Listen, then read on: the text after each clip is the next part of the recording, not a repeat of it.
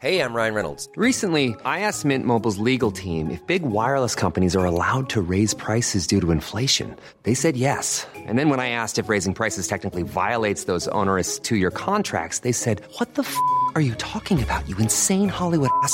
So to recap, we're cutting the price of Mint Unlimited from $30 a month to just $15 a month. Give it a try at mintmobile.com slash switch. $45 upfront for three months plus taxes and fees. Promo rate for new customers for limited time. Unlimited more than 40 gigabytes per month. Slows. Full terms at mintmobile.com. Hiring for your small business? If you're not looking for professionals on LinkedIn, you're looking in the wrong place. That's like looking for your car keys in a fish tank. LinkedIn helps you hire professionals you can't find anywhere else, even those who aren't actively searching for a new job but might be open to the perfect role. In a given month, over 70% of LinkedIn users don't even visit other leading job sites. So start looking in the right place. With LinkedIn, you can hire professionals like a professional. Post your free job on linkedin.com slash people today.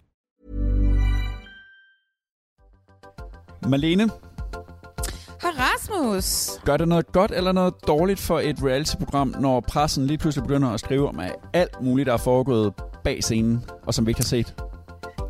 Altså, det kan det jo godt gøre, hvis produktionen kan finde ud af også at håndtere det. Fordi at øh, jeg sidder, det ved du jo, jeg er The Bachelor-fan, og The Bachelorette er endelig i gang igen, efter at have haft en pause på ja, 217 dage, hed- er det. Og i den sæson, som lige er kommet nu, der ved vi alt, hvad der er sket. Vi ved alt sladeren, vi ved alt, hvad der er foregået, vi, alt, alt er spoilet.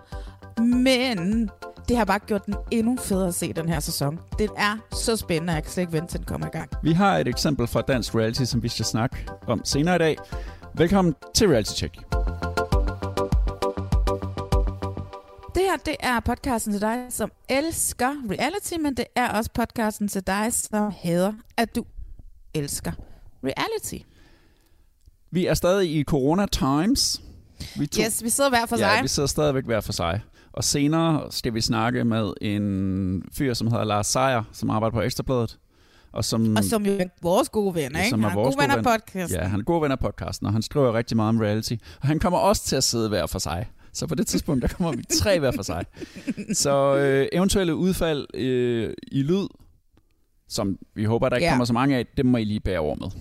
I dag skal vi snakke med Lars, fordi at det har vist sig, at der er foregået en hel masse ting i programmet Singletown, som vi som seere overhovedet ikke har set noget om, men som har haft stor indflydelse på begivenhederne derinde. Lars har nogle rigtig gode historier fra Singletown, mm. som vi to skal høre senere. Han har både snakket med øh, kanalen, men han har også snakket med de involverede medvirkende, som er ude og sige alle mulige ting om programmet. Hvad det helt præcis drejer sig om, det vil jeg gerne tease for, at Lars selv skal forklare, for det er nogle ret, ret, ret fede historier. Det er en god tease. Jeg teaser, at Lars selv siger det.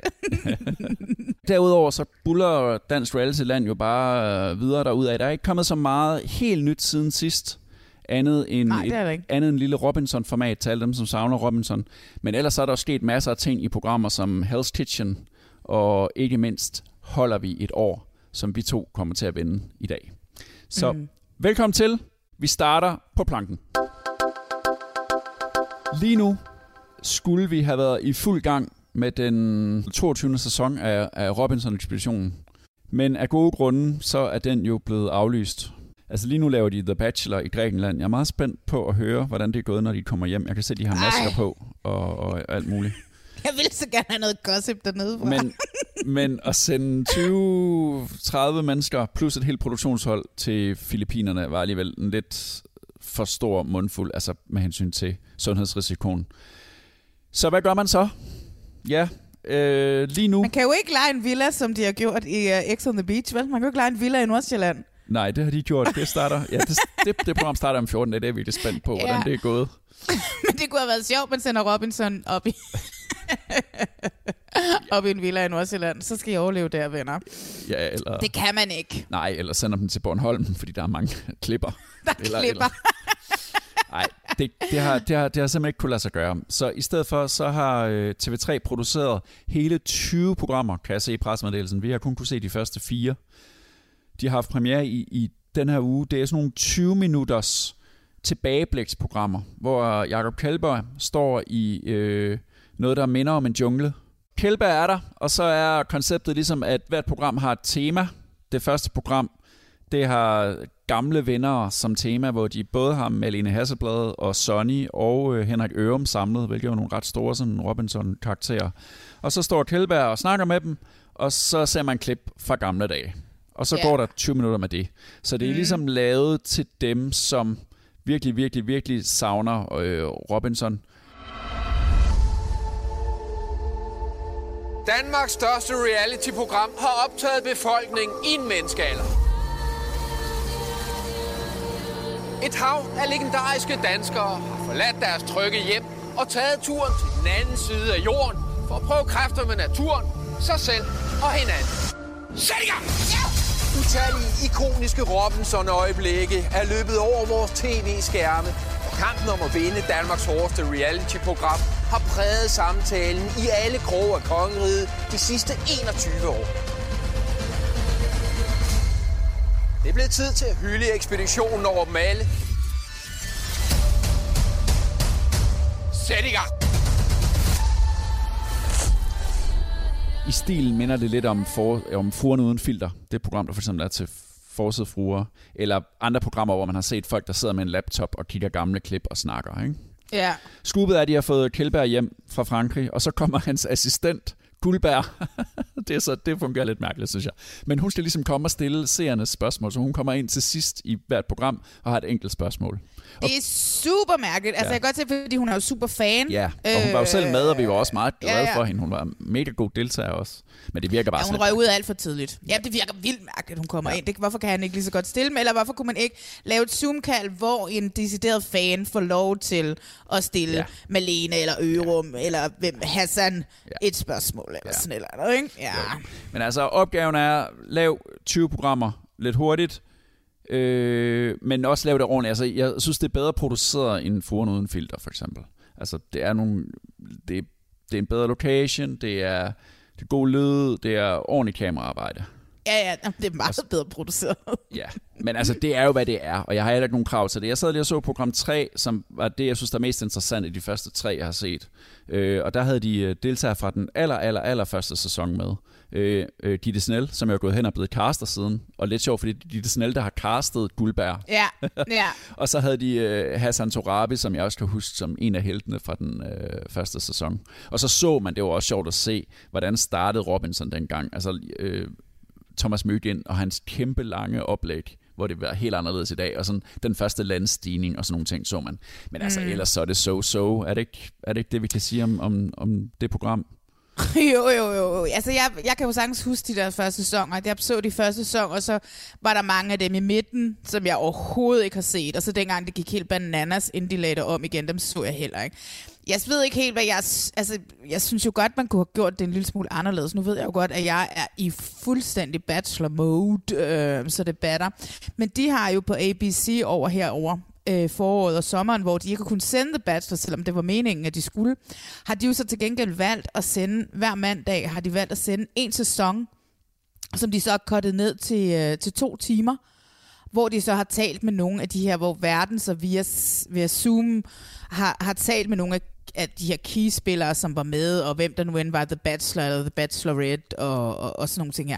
Jeg synes jo, det kunne have været virkelig sjovt faktisk i bund og grund at tilbragt to timer i selskab med Myggen og set, hvor langsomt det var at lave reality dengang. Ja. Det tror jeg kunne have været meget sjovere, end at stå og se to mennesker tale i en regnskov om ting, jeg ikke sådan rigtig helt kan huske. Hvordan øh, foregår det i det der bachelor? Altså ser man først hele sæsonen nedklippet til to timer, og så snakker de bagefter, eller kommer det ind imellem? ja. Eller? Nej, først så ser man det hele klippet ned til to timer, og så sidder de så og sluder bagefter over Skype, hvor, Okay. hvor Chris Harrison, ham her, den alt overskyggende øh, vært, som jo har styret alle sæsoner, øh, han så sidder hjemme i, øh, på sit kontor, og faktisk så har det været hans egen søn, som har, har stået for at, at styre kameraet og sådan noget, så det har også været utrolig luk, meget nede, ikke? og så har de så ligesom været med over, over Zoom, de forskellige deltagere. Det kan være den, den deltager, som var s- kæmpe skurk i sæsonen, kan det være, at de snakker med igen. Hey, hvor er du nu, og hvad er der sket siden? Øh, dem, som de måske endte med at blive forlovet med, som de så endte med ikke at blive gift med alligevel.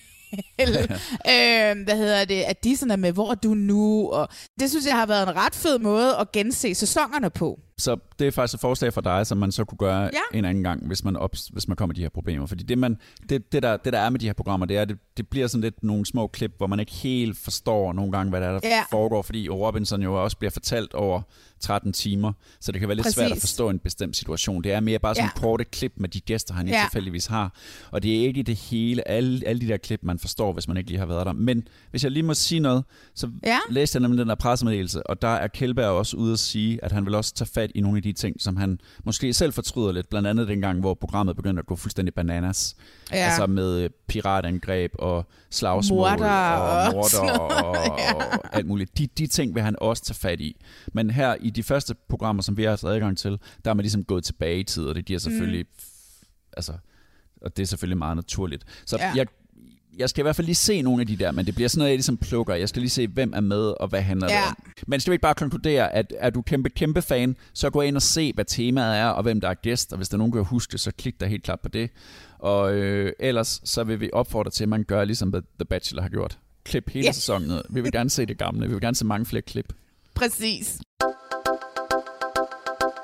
Sidste gang, der øh, var der et program, der hedder Holder vi et år, som bliver sendt på TV2, som havde taget røven godt og grundigt på os.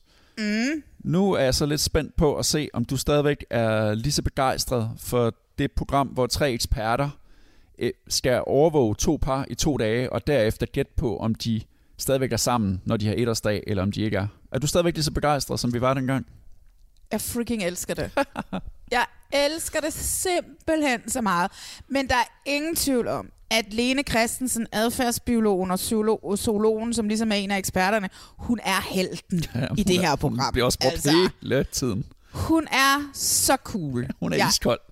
Hun er iskold. Jeg elsker det. Jeg er ligesom dig. Vi har set øh, fem af de seks programmer nu, og program 5 er noget af det bedst fortalte øh, sådan reality-agtige fjernsyn, jeg har set længe. Jeg synes simpelthen, Ja. ja. det var så godt, og det var uforudsigeligt. Det er jo de her fire par, ikke? og man er helt sikker på, at dem, der ligesom skal, skal brud op, det er Rasmus og Natasha, hvor Natasha er gravid med deres fælles barn. Der er sådan en scene i deres køkken, hvor der er så meget magt, der vælter frem og tilbage, hvor hun Altså, hvor de, der er virkelig dårlig stemning. Og, men samtidig er der en fotograf i rummet. Der er jo en, det, der hedder en VJ, en videojournalist i rummet, som har filmet det. Mens hun Som har siddet, står ligesom, ligesom som bag står lige hjørnet. ved siden af. Ja, jeg har Det, på et tidspunkt... Lige, så- trækker sig ja, lidt tilbage. Ikke? Ja, den person gemmer sig lidt. Men altså, kameraet filmer jo det Ja. hele. Og de er iskolde. De kigger ikke over på kameraet et eneste Nej. Nej. øjeblik. De står, i hvert fald ikke det, man har set klippet. De skændes, så det brager, og der er virkelig dårlig stemning. Og der vil du bare kunne hjælpe mig rigtig meget ved at prøve at gøre en indsats. Og jeg ved godt, at tiderne er lort nu til at finde job. Jeg er helt med på det. Ja. Men det er jo bare det, vi altid diskuterer. Økonomi. Du føler dig simpelthen så snydt. Nej, det gør jeg ikke. Jeg tror, at en af de rigtig vigtige ting for Natasha Rasmus, det er at være opmærksom på deres signalværdier. Først har hun faktisk dominant adfærd, fordi hun sætter sig med armene sådan og, og præsenterer hendes øh, overkrop. Og det laver signaler til Rasmus, de ryger lige ind på hjernen her. Men han ved ikke, han bliver forvirret over, hvad fanden det er, der sker. Ja, nu tror jeg, jeg har behov for, at du fortæller mig, hvad der skal ske i bund og grund. Stonewalling, eller blokering, som vi også kalder det, er, når den ene part slet ikke responderer på det, den anden siger. Blokering er et tegn på, at man har fået for meget, man kan ikke længere processere det, den anden kommer med. At man egentlig så lukker ned for en måde at beskytte sig selv. Så det er vigtigt, at den anden ligesom tager et lille skridt tilbage, giver den anden lidt tid, og så kan man genoptage snakken, når den anden har kommet ned på et følelsesmæssigt niveau, hvor det igen kan forholde sig til samtalen. For det første så er jeg gravid og fyldt med hormoner og pisse stadig, og du er lige så stadig og doven. Og vi kan ikke kommunikere. Men altså, det som jeg jo synes er interessant, det er jo alle de her ting, som eksperterne siger. Mm. Som de fortæller os i de her scener. Det er jo det, der er det interessante i det ja. her program. Det er jo de her eksperter, og al den viden, de giver os, de siger det, som de ser det. Øh, og ser det ud fra, hvordan, ja, hun ser det ud, hvordan dyreadfærd er, og alle de her ting her, ikke? Jeg elsker ja. de her eksperter, som er i det her program. Også Eivind, som jeg ellers har været en smule sur på tidligere, ikke? Jo, Eivind, det var ham, der også var i mit hemmelige match, hvor han Ja. havde matchet dem. Det kunne have været tre de tre kede, de fire kedeligste par i verden. Men jeg er sikker på, at de her tre eksperter kunne have talt det op, fordi deres viden og, deres, og, det, og det, de siger, det, det er så interessant, altså. Ja, jeg vil sindssygt gerne vide, hvad de der par selv siger, når de sidder og ser eksperterne. Men det tyder som om på, at de tager røven på os i program 6. Og det er det, jeg så godt kunne lide ved femmeren. Det var, at alting peger en vej, og så pludselig så er det et andet par, der går for hinanden. Og så kommer der sådan en teaser i slutningen af program 5, som antyder, at der sker noget helt andet, end man ligesom regner med. Mm, ja. Og så synes jeg jo også, vi kan jo godt snakke om de andre par også. Ikke? En af de der ting, som jeg også synes er sjovt, det er Stine og Claus. Ja. Det der par, der blev gift to sekunder efter, de havde mødt hinanden. Ikke? øhm, jeg synes, det er sjovt. Lene, hun er så meget efter hans øh, testosteron. Øh, ja, ja, det var også det, jeg lagt mest med, fordi han er sådan ret maskulin i det, ikke? Fordi han er sådan Ja. høj og har en kropsbehøring og sådan noget. Og så er hun bare sådan...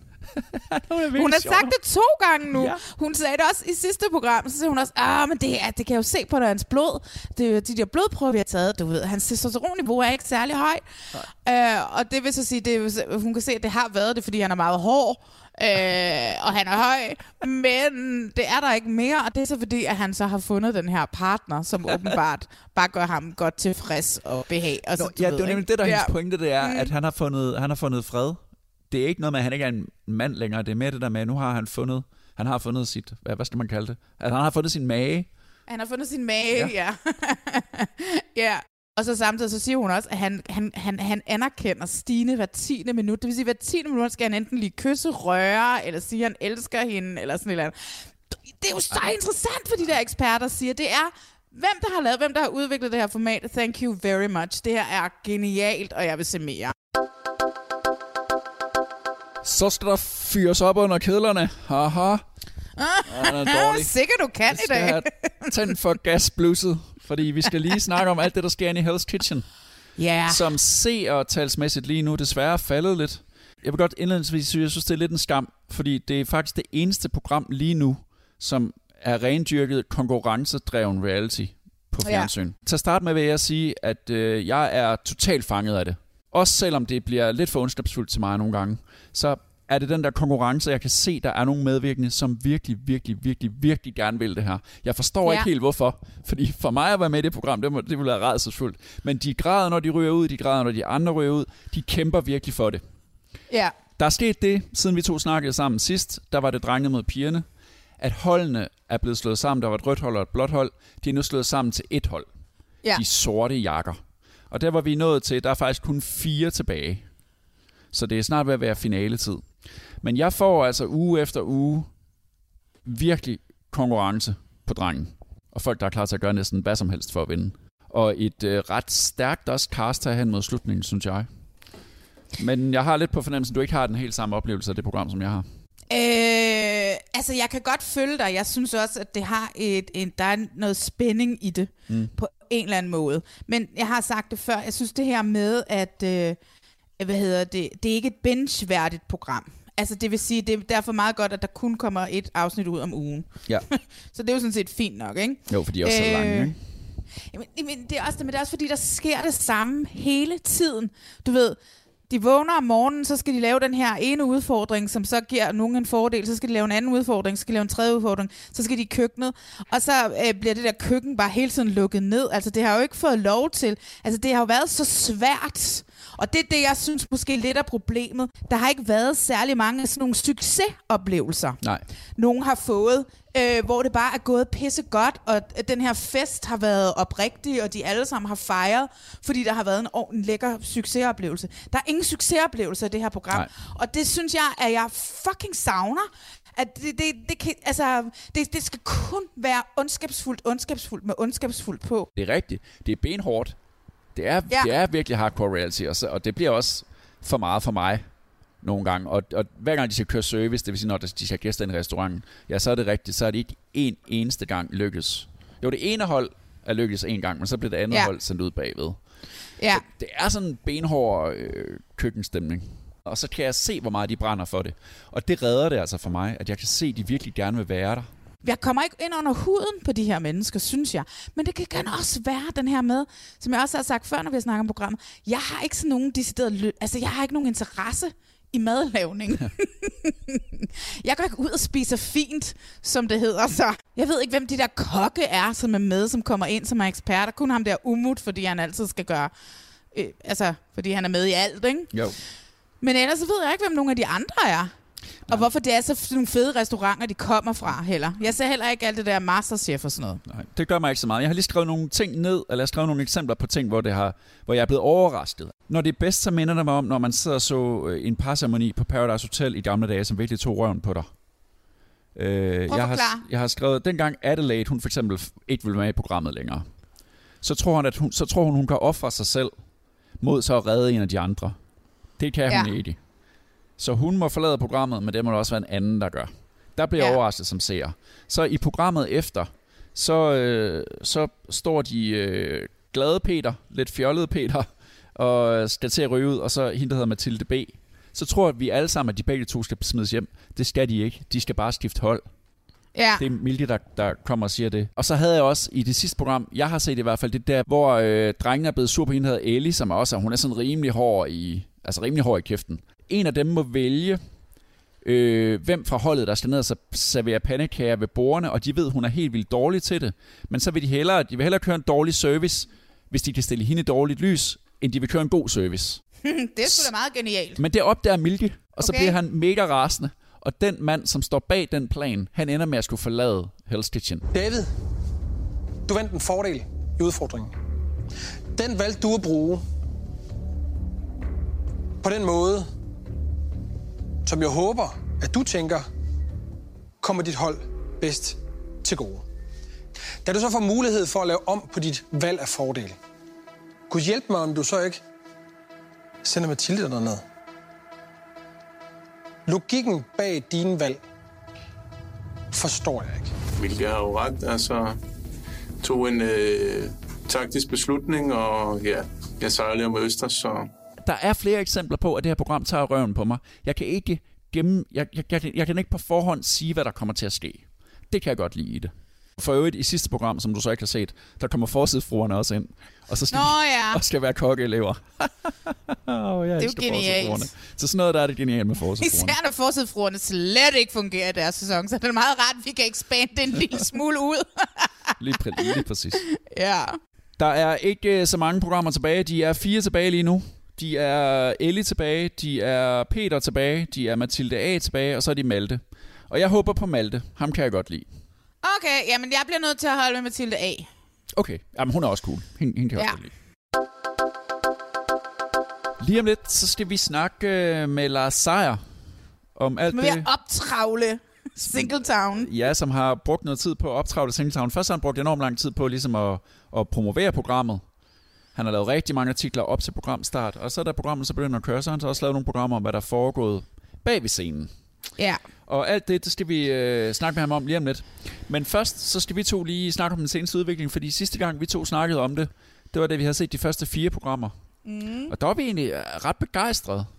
Jeg synes, at det var et program, der handlede om at savne hinanden og elske hinanden, og hvordan man, selvom man bare er reality-kaster, lige pludselig kan blive sådan kaster-kaster. Det var i hvert fald Ja. sådan, jeg havde det med det på den, på den gang.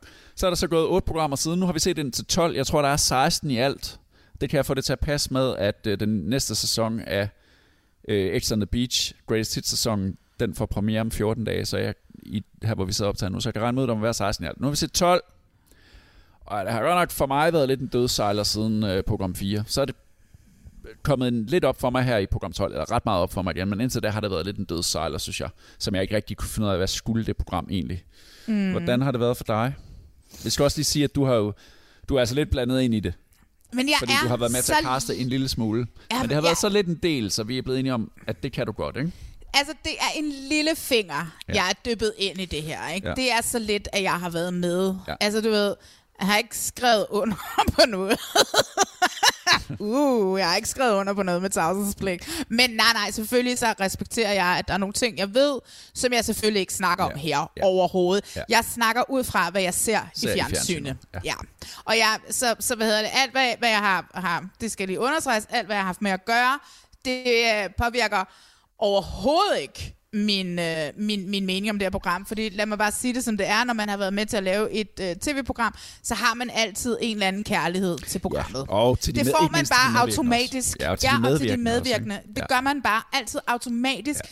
Man bliver, man, man, tager det, man, man, man, man forsvarer det, og man passer på det, og nogle af de ting, som andre måske siger, at de siger, øh, det er dårligt, fordi at det kan man i princippet ikke rigtig se. Og det er virkelig rigtigt, det kan man ikke.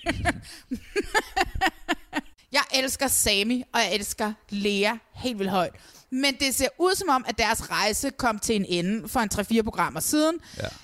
Men, men de, de bare lidt bare hængende. bliver hængende, fordi Ja, ja, for det er sjovt, fordi de får blive hængende. Det virker lidt som om, de skulle have været ude for lang tid siden. Øh, det, hvorimod at måske Kristel og, og Tejtur stadigvæk har en rejse, de skal på, fordi er der Tejtur overhovedet forelsket hende der Kristel? Det kan der ja. diskuteres, ikke? Men det er jo så, der, hvis man lige må forsvare Taito her, så er han ligesom den eneste, der køber ind på den præmis, der hedder, at vi skal ud og testes. Eller han virker i hvert fald, som om det er synk. Ikke? Han kan godt lokkes til at sige, at han er lidt interesseret i hende der Anna, for eksempel lige nu, som, som han er ret meget op at køre over.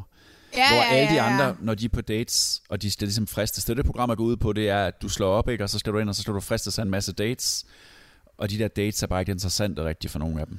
Men det- Undtagen det- ham. En Ja, lille smule ham.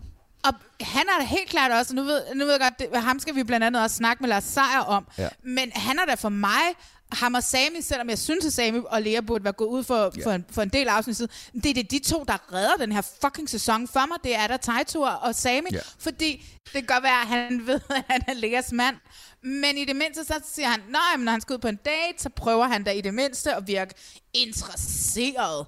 Altså, deres kvinder gør ikke. Men nu vil jeg også sige, at Lea er kun blevet sendt på dates med mærkelige typer, som ja. jeg forestiller mig, at man havde ikke nogen andre at sende hende på dates med, og vi skulle ligesom sende hende ud på en date. Ja.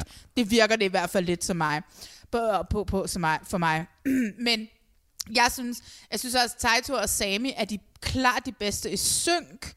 Øh, og så vil jeg sige, det eneste par, som jo så, men det er jo så også, øh, som har givet noget af sig selv undervejs, er jo helt klart Samira og AC. Ja, de har ikke? givet rigtig, rigtig, rigtig meget. Altså, det må man give dem, Tejtur, rigtigt. Han går ud, og han begynder da i det mindste at stille spørgsmål tegn ved sit forhold, i Ja. hvert fald Ja. i programmet. Ja. Who knows, hvordan han entaget inderst inde havde det. Ja, det- Fordi han er en god reality-spiller. Han er en god, ikke? ja. Og det er jo det, jeg kan forestille mig, det engelske, der er der, mange, der er der meget mere af det her. Altså, der bliver de rent faktisk fristet, og de tager rent faktisk deres parforhold op til overvejelse. Ja, Er det ikke og rigtigt? det går også, jo, og det er jo også det, når de går ud på de her dates med de her mennesker i det engelske. Altså, de, de gør det ikke bare sådan, hvor de siger sådan efter, efter en slurk af øllen. Nej, men det er ikke noget for mig. Nej. Ha' det godt. Vi ses. Hej, hej. Og så ved vi bare, altså, det er blevet så ligegyldigt at se dem gå Ja. på date. Det er blevet så ligegyldigt for os at se, når det der fjernsyn bliver tændt. Der er ikke noget spænding i det mere. Men for eksempel i den britiske. En lille detalje, som at de sender kvinderne fra den ene lejlighed ud med kvinderne fra den anden lejlighed, ud på en gossip-tur. Hvorfor har de ikke gjort det? Hvorfor har de ikke sendt dem ud sammen, for ligesom at fortælle, hvad sker der? I, altså, øh, og de sender mændene ud sammen, og, og, Men de kan jo nå det nu jo. Altså, det kan jo ja, ja, endnu. ja, fire ja, ja, programmer men det gør de flere klart. gange i den britiske. Ja, det vil have været Og en god uh, twist. Ja, ja.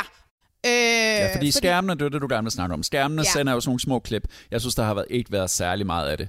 Men så lige Mm. pludselig her i program 12 eksploderer det, fordi der bliver taget en lille bitte, bitte smule ud, hvor at Kristel får et sugemærke af AC's kæreste Samira. Der er sådan to små klip, der bliver sat sammen, og så eksploderer AC i den anden lejlighed Ja. fuldstændig. Hvorfor siger Samira Kristel, du får noget frem i mig? Fordi hun er lederlig. Det der kan ikke misforstås. Fuck, hvor er det klamt, det der. Det kan ikke det misforstås. fucking klammeste, det der. Aldrig nogensinde mødt noget så fucking klamt. Mm. Jeg har aldrig set Ase være så ramt før. Hun er så rasende. Hun kan slet ikke være sig selv. Hun er så frustreret. Men jeg forstår hende virkelig godt.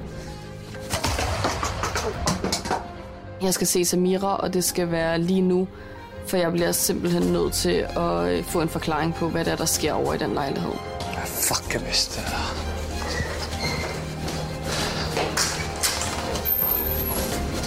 Nej, du kommer ikke til at stoppe mig.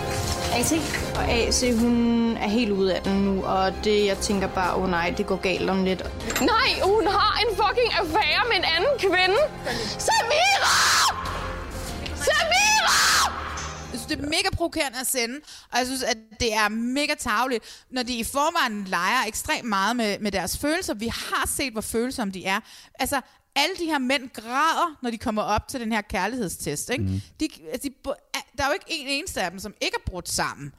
Så det er jo ikke fordi, at vi ikke har tiret dem på deres følelser. Hvorfor skal vi gøre det lige en tand mere? Hvorfor skal vi, hvorfor skal vi kaste salt på et sår? Det bliver meldt ud helt fra starten, at de der skærme kan, afvi- kan vise, hvad der sker i, de, i den anden lejlighed. Så det ligger ligesom i konceptet. Men jeg kom til at tænke over noget. Ja, at øh, man kan også være nede og drægte over for hinanden på Robinson, og man kan være nede og drægte over for hinanden i Paradise Hotel, ikke? Og man Mhm. kan være nede og drægte over for hinanden i øh, sådan noget som Hell's Kitchen Ja, for ja. eksempel. Men der er der jo en, der er jo en anden ramme. Det her, det er jo dit rigtige livs ramme. Ja. Det kan være, det er derfor, Ja. du også bliver så provokeret af det. Øh, og det kan være, at man er gået ind og leget med nogle ting, som man i virkeligheden ikke skulle have leget med. Du ved, nogle gange, så, så går man over grænsen, ikke? Åh, det er så godt set, ja. Ja. fordi det er fuldstændig rigtigt, Rasmus. Fordi, Fordi- de her mennesker er officielt kærester, inden de flytter ind Ja. i det her hus. Men hvis du møder en på Robinson, øh, som du går i en alliance med, så går du imod hinanden. Men ved du hvad, så er det noget, der er sket i spillet. Ja. Det her er ikke et spil, det er, et, sp- det, det, det er at lege med, med rigtige menneskers følelser. Ja. Og det har du ret i. Det er, det er, en, god, det er en god betragtning, øh, som jeg faktisk er meget glad du, for, at du kommer med. Men altså, det har jo ligget i, i programmets koncept hele tiden, og jeg har hele tiden haft det sådan, er det okay det her? Er det okay at friste på den måde? Øh, og jeg, har- jeg har stadigvæk ikke rigtig noget svar øh, på det. Altså, Fordi jeg synes, det har været så rart at se Taito bryde sammen, og simpelthen være forelsket. og Sammy og for Sami bryde helvede, mand. Ja, og se alle de der mænd, alle de der mænd, det er hver gang, Ja. de skal derop første gang, og ser Ham der deres lille kærester. Victor, Ham, der også lille bare Victor. begynder, Ja. oh my god, det var da sødt. Det gør det program Altså- for mig, og det gør noget rigtig godt for mig, men det er jo ikke det, programmet handler om i virkeligheden. Programmet handler i virkeligheden om, at vi skal ud og friste jer, ikke? Ja. Men så det, det så har gjort, i hvert fald i den danske version, det er at vise netop det der. Ved du Øh, hvad? Og det, synes ja. jeg, og det synes jeg har været så dejligt at se. Men jeg vil rigtig gerne se det i en ramme, hvor det, ligesom, hvor det var det, det handlede om. Forstår du, hvad jeg mener? Mm. At programmet handler om, nu skal du finde ud af, hvor meget du egentlig elsker din kæreste. Og lille Victor, han, sidder og siger, han står og siger de helt rigtige ting. Ikke? At han er Ja. blevet klogere. Han er blevet klogere af at være i den der lejlighed. Nå, Så- så, så- lille bitte Victor.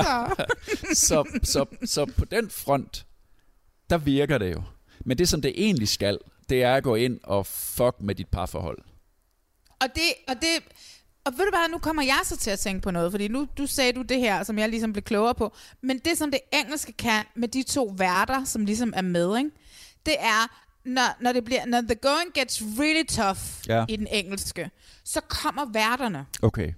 Og så er de altid en lille snært af en god ting med os. Okay. Altså du ved, nå, men jeg har også hørt, at han siger der over i den anden lejlighed, eller sådan et eller andet. Kan du ikke prøve at fortælle mig, om der ikke opstår sådan nogle situationer her i det engelske også? Altså, hvor det folk bliver meget, meget, meget Nej. såret. Det gør der ikke. Nej, nej, overhovedet ikke. Overhovedet Okay. ikke. Det, det, som der opstår i den engelske, hvor den, den virkelig hårde situation er, det er, at der er et af parne, hvor, som er til dels en tegtur ting, ikke? hvor at den ene bliver, bliver vild med en anden mand. Mm. Og hun begynder at date ham ret meget. De tager på en weekendtur til Barcelona og sådan noget i programmet, ikke? Øh, og så sidder kæresten bare og får de her snippets smidt ind på skærmen. Nå ja, forresten, nu er din ekskæreste lige taget til Barcelona med en anden mand. Hvordan har du det med det? Og sådan noget, ikke? Det er fordi ekskæresten oprigtigt får følelser for en anden mand. Det er ikke fordi, vi prøver at skabe et drama Nej. ud af noget, der er taget ud af kontekst. Forstår du, hvad jeg mener? Ja, ja.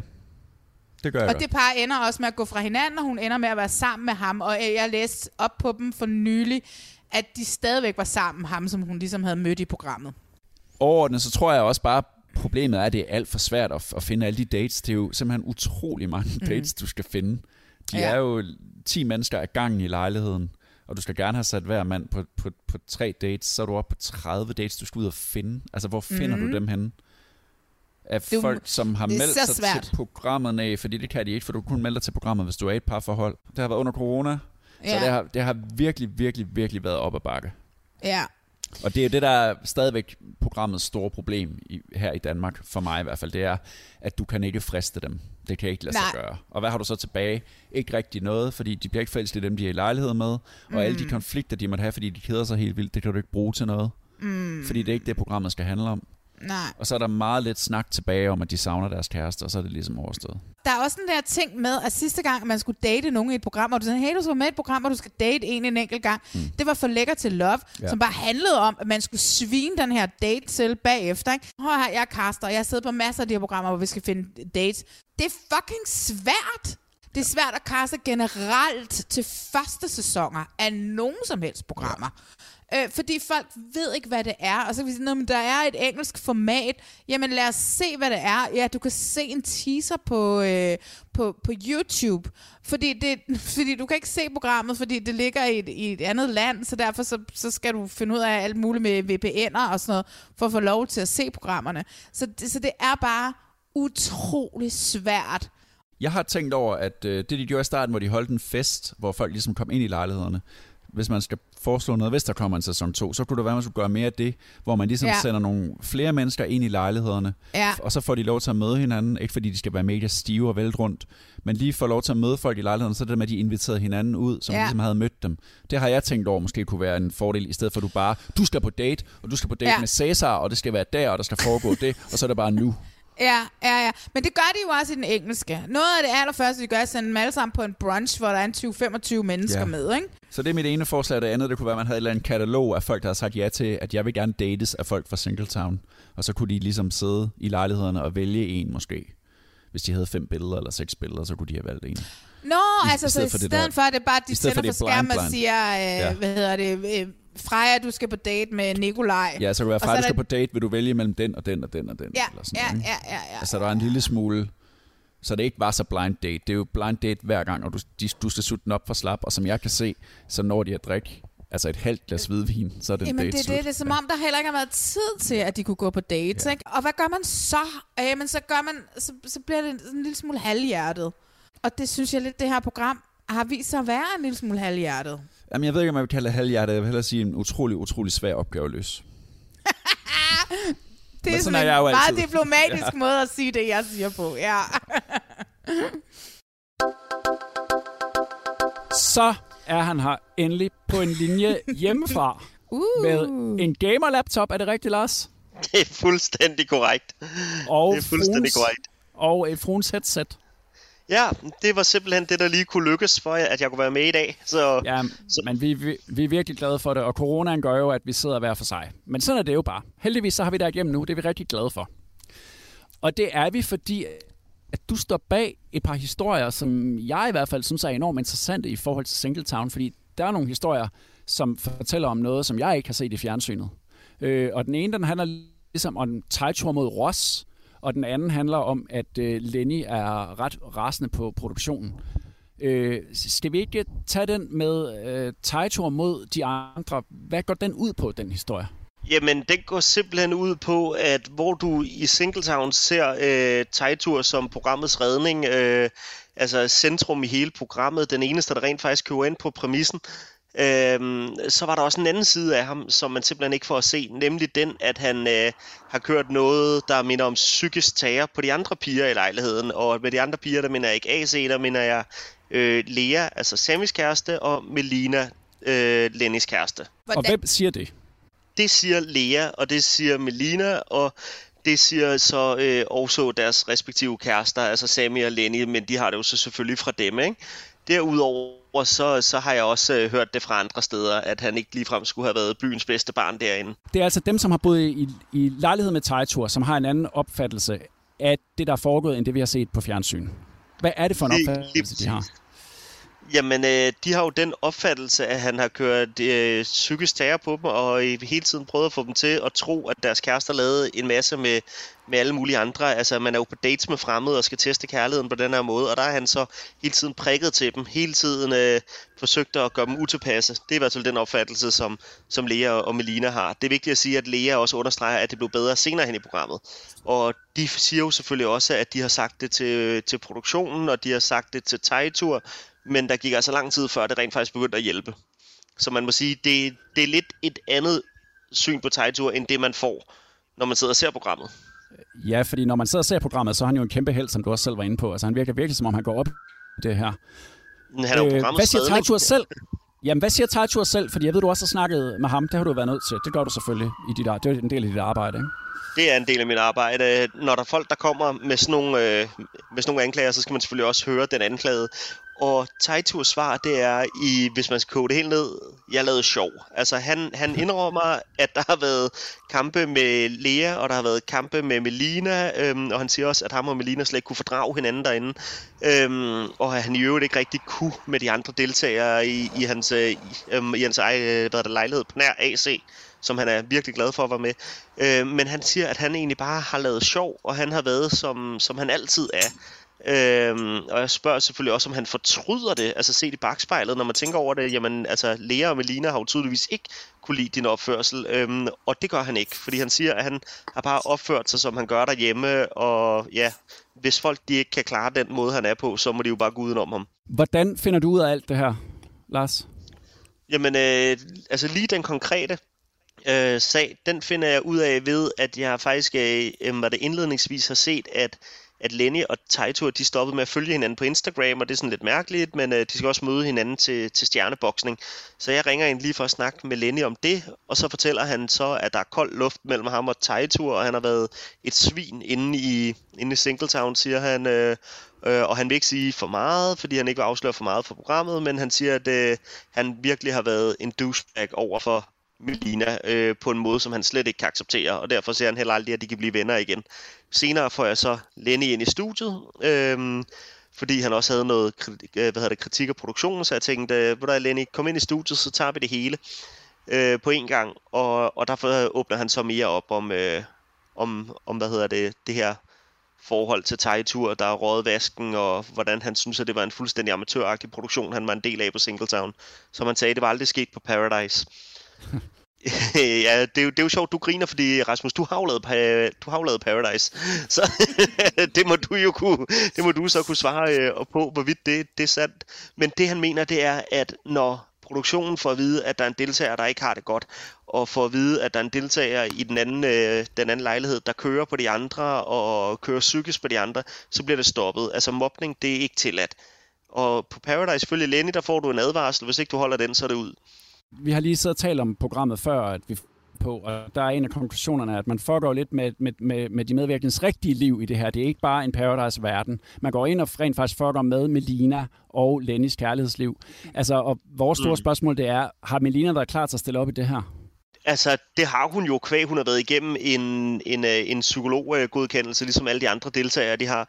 Men set i bagspejlet, så har det jo ikke været en god idé, at hun var med. Det vil hun også sige. Altså, jeg spurgte hende også direkte, om hun, om hun fortrød, og så sagde hun med tanke på, hvordan jeg har det i dag. Ja, så fortryder jeg, at jeg stillede op. Lenny tilbød også, at ham og Melina, de kunne bytte lejlighed. Det måtte han heller ikke. Altså simpelthen for, at hun, hun kunne komme væk fra Tejtur. Det ville øhm, også være mærkeligt. Det ville være mærkeligt, men det siger også lidt om, altså, de har været ret desperate for at få hende væk fra Tejtur, ikke? Jeg har sagt fra mm. starten af, fra allerførste gang, jeg så Melina i det program, at jeg synes ikke, hun skulle være med. Jeg synes mm. ikke, at hun virkede klar til sådan noget her overhovedet, og det mere virkede som om, at det var Lenny, der ville være med i programmet, og hun sådan til sidst måtte sige, ja okay, så gør vi det, skat, så. Mm. Jamen, det har hun jo også selv været ude at sige, altså at, øh, at det mener jeg faktisk endda, hun sagde, da vi mødte hende på pressedagen, det var lige i starten, at altså, det var Lenny, der havde overtalt hende til at være med. Det var ikke, det var ikke hende, der som sådan egentlig ønskede det, men hun ville gerne prøve det, fordi så kunne han også få den her oplevelse, og de kunne få testet deres, deres kærlighed, som jo i den grad har været udfordret med trekant 6 i Jylland, og jeg ved ikke hvad. ja. ja han, så, han altså, at vise over for hende, han var en ordentlig fyr. Ja, lige præcis. Og for den sags skyld også øh, vise resten af Danmark, at han rummer mere end kviklån-reklamer og øh, altså, hvad hedder det, sugar dating-reklamer og hvad han ellers har lavet af ja, mærkelige reklamer. Men altså, at decideret sidde og analysere på, om hun burde have været med eller ej. Altså, der, der, der vil jeg sgu hellere ja, altså, øh, lægge mig op af, at der er en psykolog, der forhåbentlig ved mere om hendes psyke, end jeg gør. Ja, ja. Trods alt. De her par historier, du har kunne lave ud af det her, er det usædvanligt i forhold til de andre historier, at alle sådan noget her, du har kunne køre på, på sådan nogle programmer før? Ja, det her, det er mere i den, i den grove afdeling. Altså, altså du kan altid øh, få deltagerne til at fortælle alt muligt, man ikke så på tv. Det er der ikke nogen, der bliver sure over. Altså, man filmer i 24 timer og skærer det ned til 40 minutter. Øhm, altså, og så kommer der alle mulige sjove, mere eller mindre øh, harmløse anekdoter, det er det her jo ikke. Altså, det er jo, det er jo Lenny, der er ude i fuld flor og kalde det for skandaløs, klamt amatøragtigt, det her program. Så øh, jo jo, det her det er helt klart øh, til den grove side, og jeg tror da heller ikke, det er noget, som, øh, som, som Discovery Networks Danmark, der øh, hvad hedder det, laver programmet herhjemme, de synes er super fedt. Altså, Hvad har de sagt til dig? Jamen, øh, det er jo så også det, der er lidt sjovt, fordi øh, de siger jo, at de har talt med Nordisk Film TV, øh, som er dem, der producerer øh, Singletown, øh, og at de har en anden opfattelse af forløbet, og de kan ikke genkende den udlægning, som Lenny han kommer med. Mm. Øhm, så altså, enten så, så lyver Lenny, eller så vasker de hænder. Øhm, så øh, Ja, altså lad mig se her. Altså de siger, at, øh, at de også har nogle øh, klare retningslinjer og procedurer for, hvad der skal ske, hvis deltagere giver udtryk for, at de har det svært, og de er så også fuldt i den konkrete situation. Øhm, og at øh, Lennes øh, udtalelser kommer bag på dem, fordi det var ikke den tilmelding, de fik, da Melina og Lenny forlod programmet. Nej, de er jo også ude at sige, at det var en helt anden grund, at de ligesom blev tvunget ud. Det er de jo også ude at sige. Det er altså rimelig vilde beskyldninger, der kommer. Det er jo, det er jo, det er jo sådan helt, en, altså endnu en gren af det her. Øhm, fordi det, der jo så også sker i programmet, det er jo, at at øh, altså, man ser jo Lenny og Melina forlade programmet, og det er jo hånd i hånd. Øh, det er lige før, jeg tror, der også er en solnedgang. Det kan ikke være smukkere og mere romantisk. altså, kærligheden lykkedes for kendisparet. Alle er glade. Men det Lenny Pil han jo så afslører, da han sammen med Melina Burg gæster os på Ekstrabladet, det er jo, altså, og nu citerer jeg øh, først lige Lenny her, fuck det, seerne har fortjent at vide sandheden. Og så fortæller han så, at han får at vide, at han ikke må vælge en tom boks, altså den, der gør, at man bliver i programmet, men at han skal vælge et hjerte, fordi at Melina ikke længere kan tåle at være med, og at det er en psykolog, øh, som hvad hedder det, har kommet og ligesom fortalt dem, at nu, nu stopper det altså. Nu er vi nødt til at hive jer ud, fordi Lenny kan, ikke Lenny, øhm, var det, Melina kan, ikke, øh, kan simpelthen ikke tåle at være med mere. Øh, og det er jo sjovt, fordi det er jo sådan noget, som, som man normalt helst ikke må sige.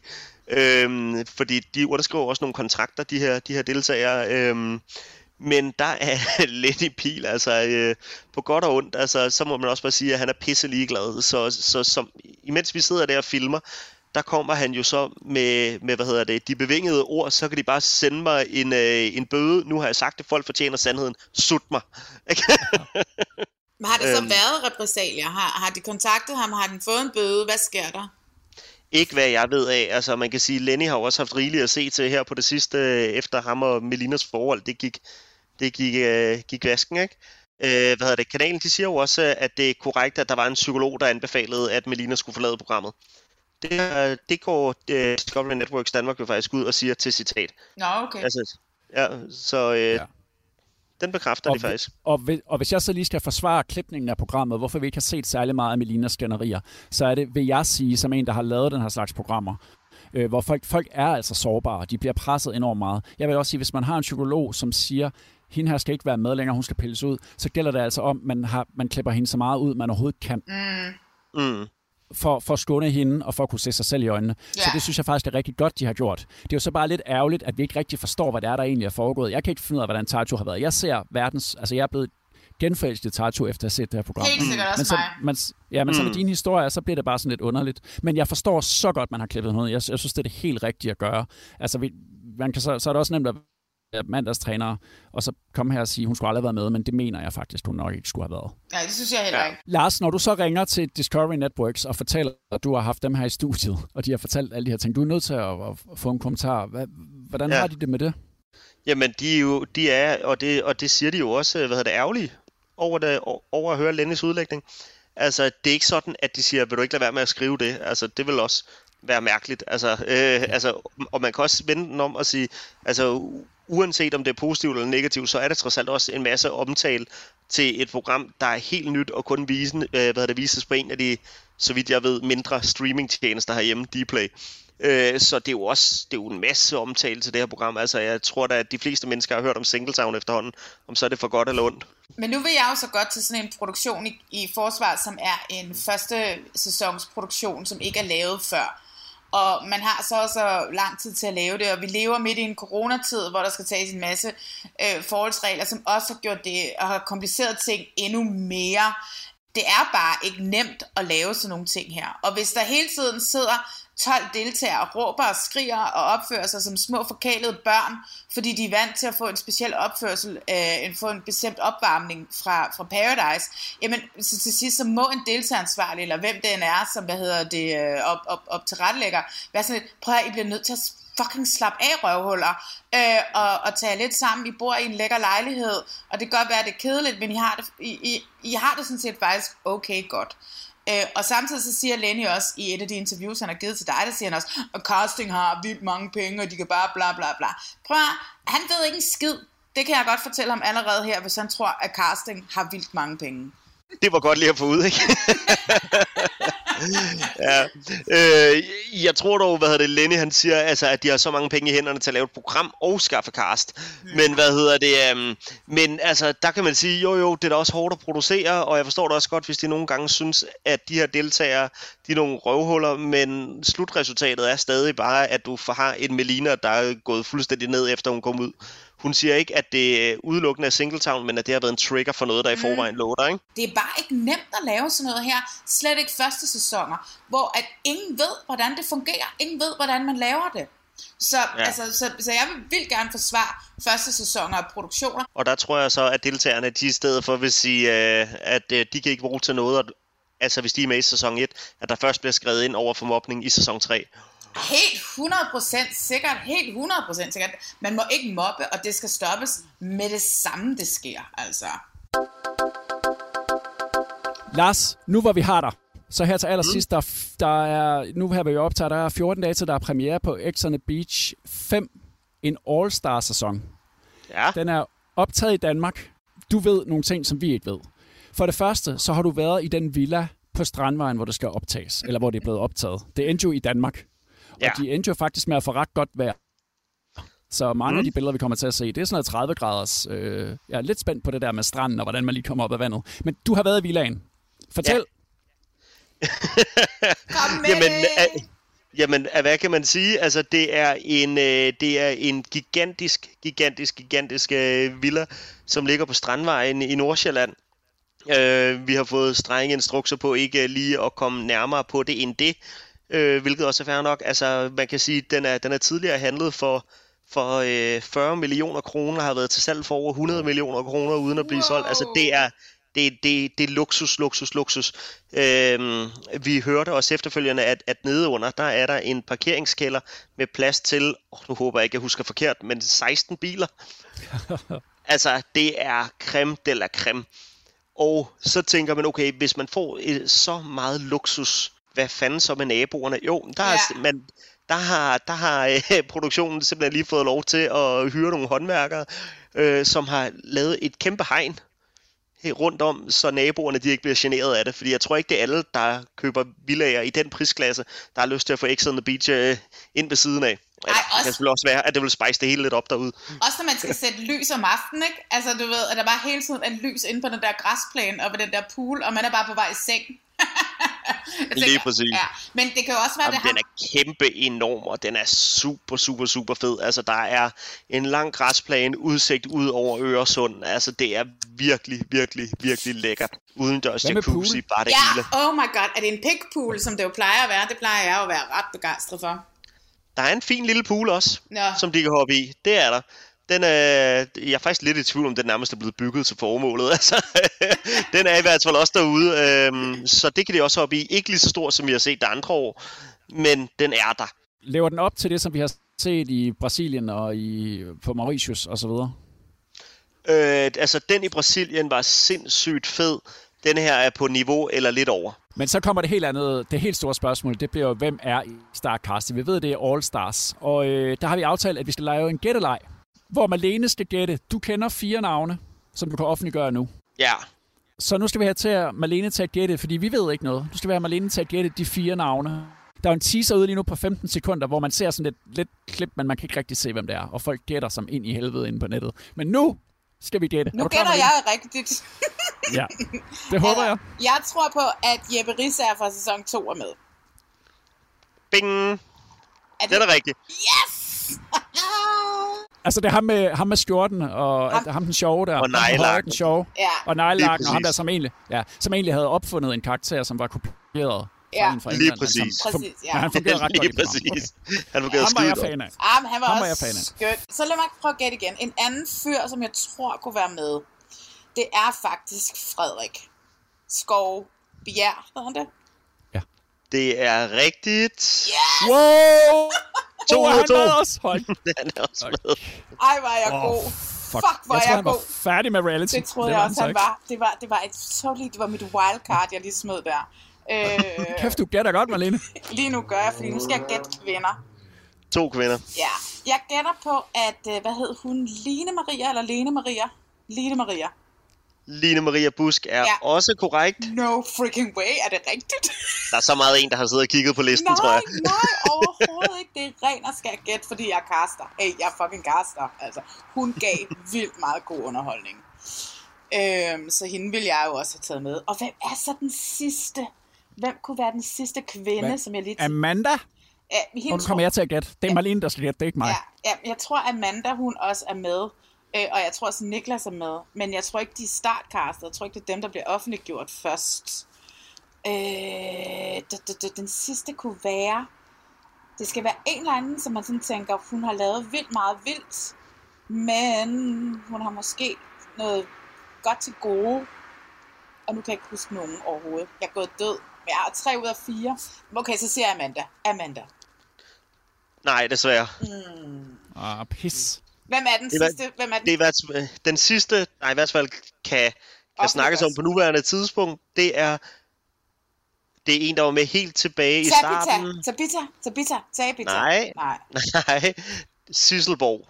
Nej! What the fuck? Er Lille Sissel. Sissel med igen? Lille Sissel er med igen. Igen, igen. wow. Den kan du godt lide, De har Rasmus. knaldet alle sammen. Ja, men for fanden, hold kæft, jeg knaldede knaldet sammen på kryds og tværs. 1. november, du. Så øh, det bliver spændende. Altså, Jeppe Risager, han, øh, da jeg mødte ham nede på Mauritius, var det, øh, der sagde han jo, jeg bliver the main man i år. Og da jeg snakkede med ham øh, denne her, den her gang, og sagde, at du blev the main man sidste, eller sidste år, der kaldte du den. Det var ikke helt skævt. Hvad, hvad så med i år? Så siger han, øh, hvad hedder det, um, denne her sæson bliver ikke X on the Beach All Stars, det bliver X on the Beach Jeppe og resten. Jeg gør det ikke med vilje. Jeg er bare så skide interessant. Arrogant røvhul, jeg kan godt lide det. det kan jeg også godt lide. Optagelserne er jo slut. Hvad siger de på rygtebørsen? Bliver det en sindssyg sæson? Eller hvad? Jeg ved det faktisk ikke. Jeg er lige så spændt som I er. Jeg har faktisk ikke, øh, jeg har faktisk ikke rigtig forhørt mig så meget. Jeg, der er simpelthen været så meget at se til med Singletown. Så, øh, og så, og så tænkte altså, jeg har det jo også sådan lidt, at nogle gange så kan jeg også godt lide kvæg, at jeg jo ligesom er tvunget til at se de her programmer, uanset hvad. Så kan jeg egentlig godt lide nogle gange at blive overrasket. Altså, at, mm. at der er et eller andet, hvor man tænker, gud, skete det der seriøst lige? Øh, altså sådan har jeg det også med Paradise-vinder og Robinson-vinder. Jeg vil aldrig vide det på forhånd, fordi jeg vil meget hellere sidde og skabe min egen helte, og skabe nogen, jeg kan, jeg kan hæppe på. Så det er sjovt lige at, hvad hedder det, øh, at afsløre nogle deltagere inden, hvis man kan det. Men, men øh, altså, jeg behøver ikke at vide, at hvad der sker i sæsonen. Der vil jeg hellere blive positivt som negativt overrasket. Men det man helt sikkert skal gøre, det er under X on the Beach, når det begynder at køre, så skal man i hvert fald tjekke ind på eb.dk, hvis man godt kan lide at læse om reality. Også de historier, der går ind bagved. Og så kan man jo fange dine artikler derinde, og så af og til, så laver du også øh, sådan noget tv, hvor du er vært, og så har deltagerne inde. Og jeg er helt sikker på, at du også kommer til at gøre det på X on the Beach. Gør du ikke det? Det kan jeg love for, at vi kommer til at gøre. Vi har allerede snakket om det. Oh my god. Så det glæder vi os til. Ja, det gør vi også. Lars, det var fedt, du gad at være med. Jamen selvfølgelig. Tak for det. Vi fik, op, vi fik opklaret nogle mysterier omkring uh, Singletown, og så fik vi teaset lidt for X on the Beach. Vi har sagt farvel til Lars. Det var meget, meget, meget interessant. Yes.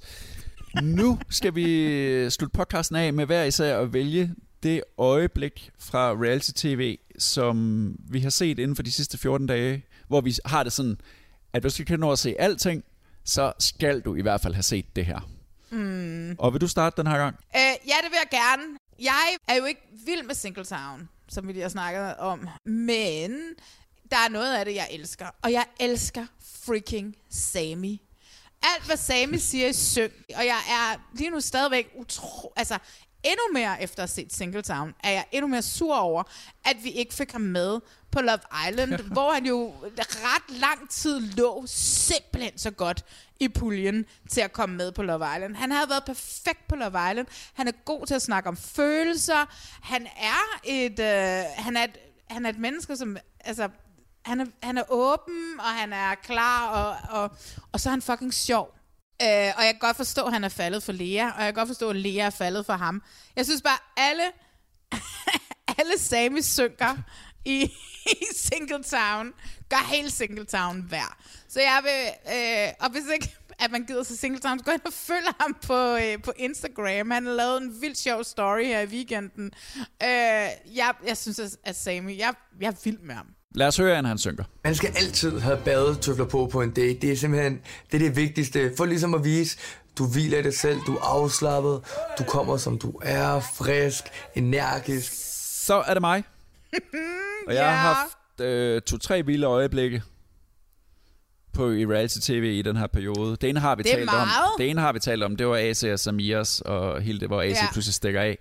Ja. Men øh, jeg synes, folk skal se Holder vi et år. Program 5. Åh. Samtalen i køkkenet mellem Natasha og Rasmus, hvor den der videojournalist, VJ, lige så stille og roligt bare pakker Han tilbage. går bare baglæns ud af mens- køkkenet. Ja.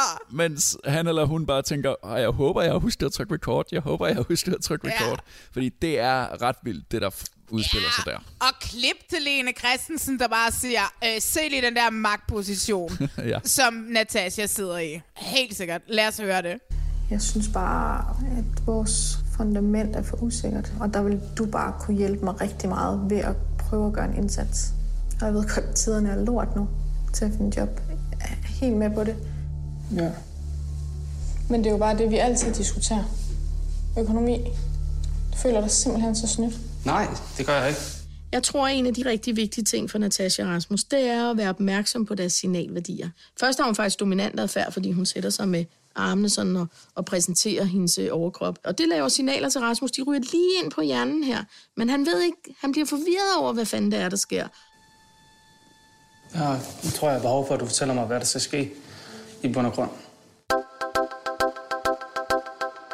Det er så vildt, det der, Rasmus. Det, det er, altså, TV2 kan levere reality, det må man sige. Ja. Hjem til gården, eller fuck, de leverer reality. Ja, det gør de. Du har spurgt om noget. jeg har spurgt, om Du vi kommer godt tit kunne... med alle mulige for, forslag, hvor, jeg, øh, hvor du nogle gange synes, jeg er lidt hård. Ja, jeg øh, synes, du er en meget hård redaktør og producer på, det her, for den her podcast, det vil jeg sige. Altså. Men Men, dit- men hey, men- men hey, dit- oftest berettiget. Men hey, dit, men hey, dit seneste forslag, det kan jeg ikke øh, sige nej til. Nej. Vi skal have en bolig, boligannonce. Det er nemlig sådan, at øh, jeg er en slags hjemløs i en periode nu her. Fra Det er første... Nej, det er det ikke. Det, er- det, det efterlader en søvnløs om natten. Jeg mangler sted at bo de næste to måneder, altså fra november og, det, og så helt frem til januar. Måske er der sidder nogle af vores faste lyttere på podcasten, som har et sommerhus, eller har et kolonihavehus, hvor man godt må være over vinteren som kunne sige, "Nå, det hey Malene, det kan du sgu godt få lov til at lege billigt. Billigt er Og- også kodeord. Desværre. Hvis man nu har det, hvad, Mhm. hvordan får man så fat i dig? Så får man fat i mig på samme måde, som man får fat i os, hvis man har et program, man gerne vil have, vi skal snakke om. Så finder man os på øh, Instagrams øh, Reality Check Podcast. Og så skriver man til, så skriver man til mig der, øh, sender man lige en, øh, en privat besked, og siger, hey Malene, jeg har en fucking awesome lille kolonihavehus et eller andet sted i Sønderjylland, øh, eller hvor den ligger. Den må du godt låne, lege. Og når man så har gjort det, så synes jeg lige, at man lige godt kan gå ind og rate os ind i iTunes. Om 14 dage, så er du et nyt sted, i hvert fald. Igen. Indtil da har du haft mange søvnløse nætter, men du skal nok finde et sted. Det er jeg helt Ja, sikker det på. håber jeg også. Ja. Og vi Ja. håber, at nogle af vores dejlige lyttere måske endda kan hjælpe dig på vej. Det håber jeg Ej, i det hvert ville fald. være så fedt. Fordi om 14 dage, der har TV2 haft premiere på et helt nyt reality-program, hvor at øh, to, der ikke kender hinanden, skal bo sammen i Sveriges øde, på en ødegård i Sverige.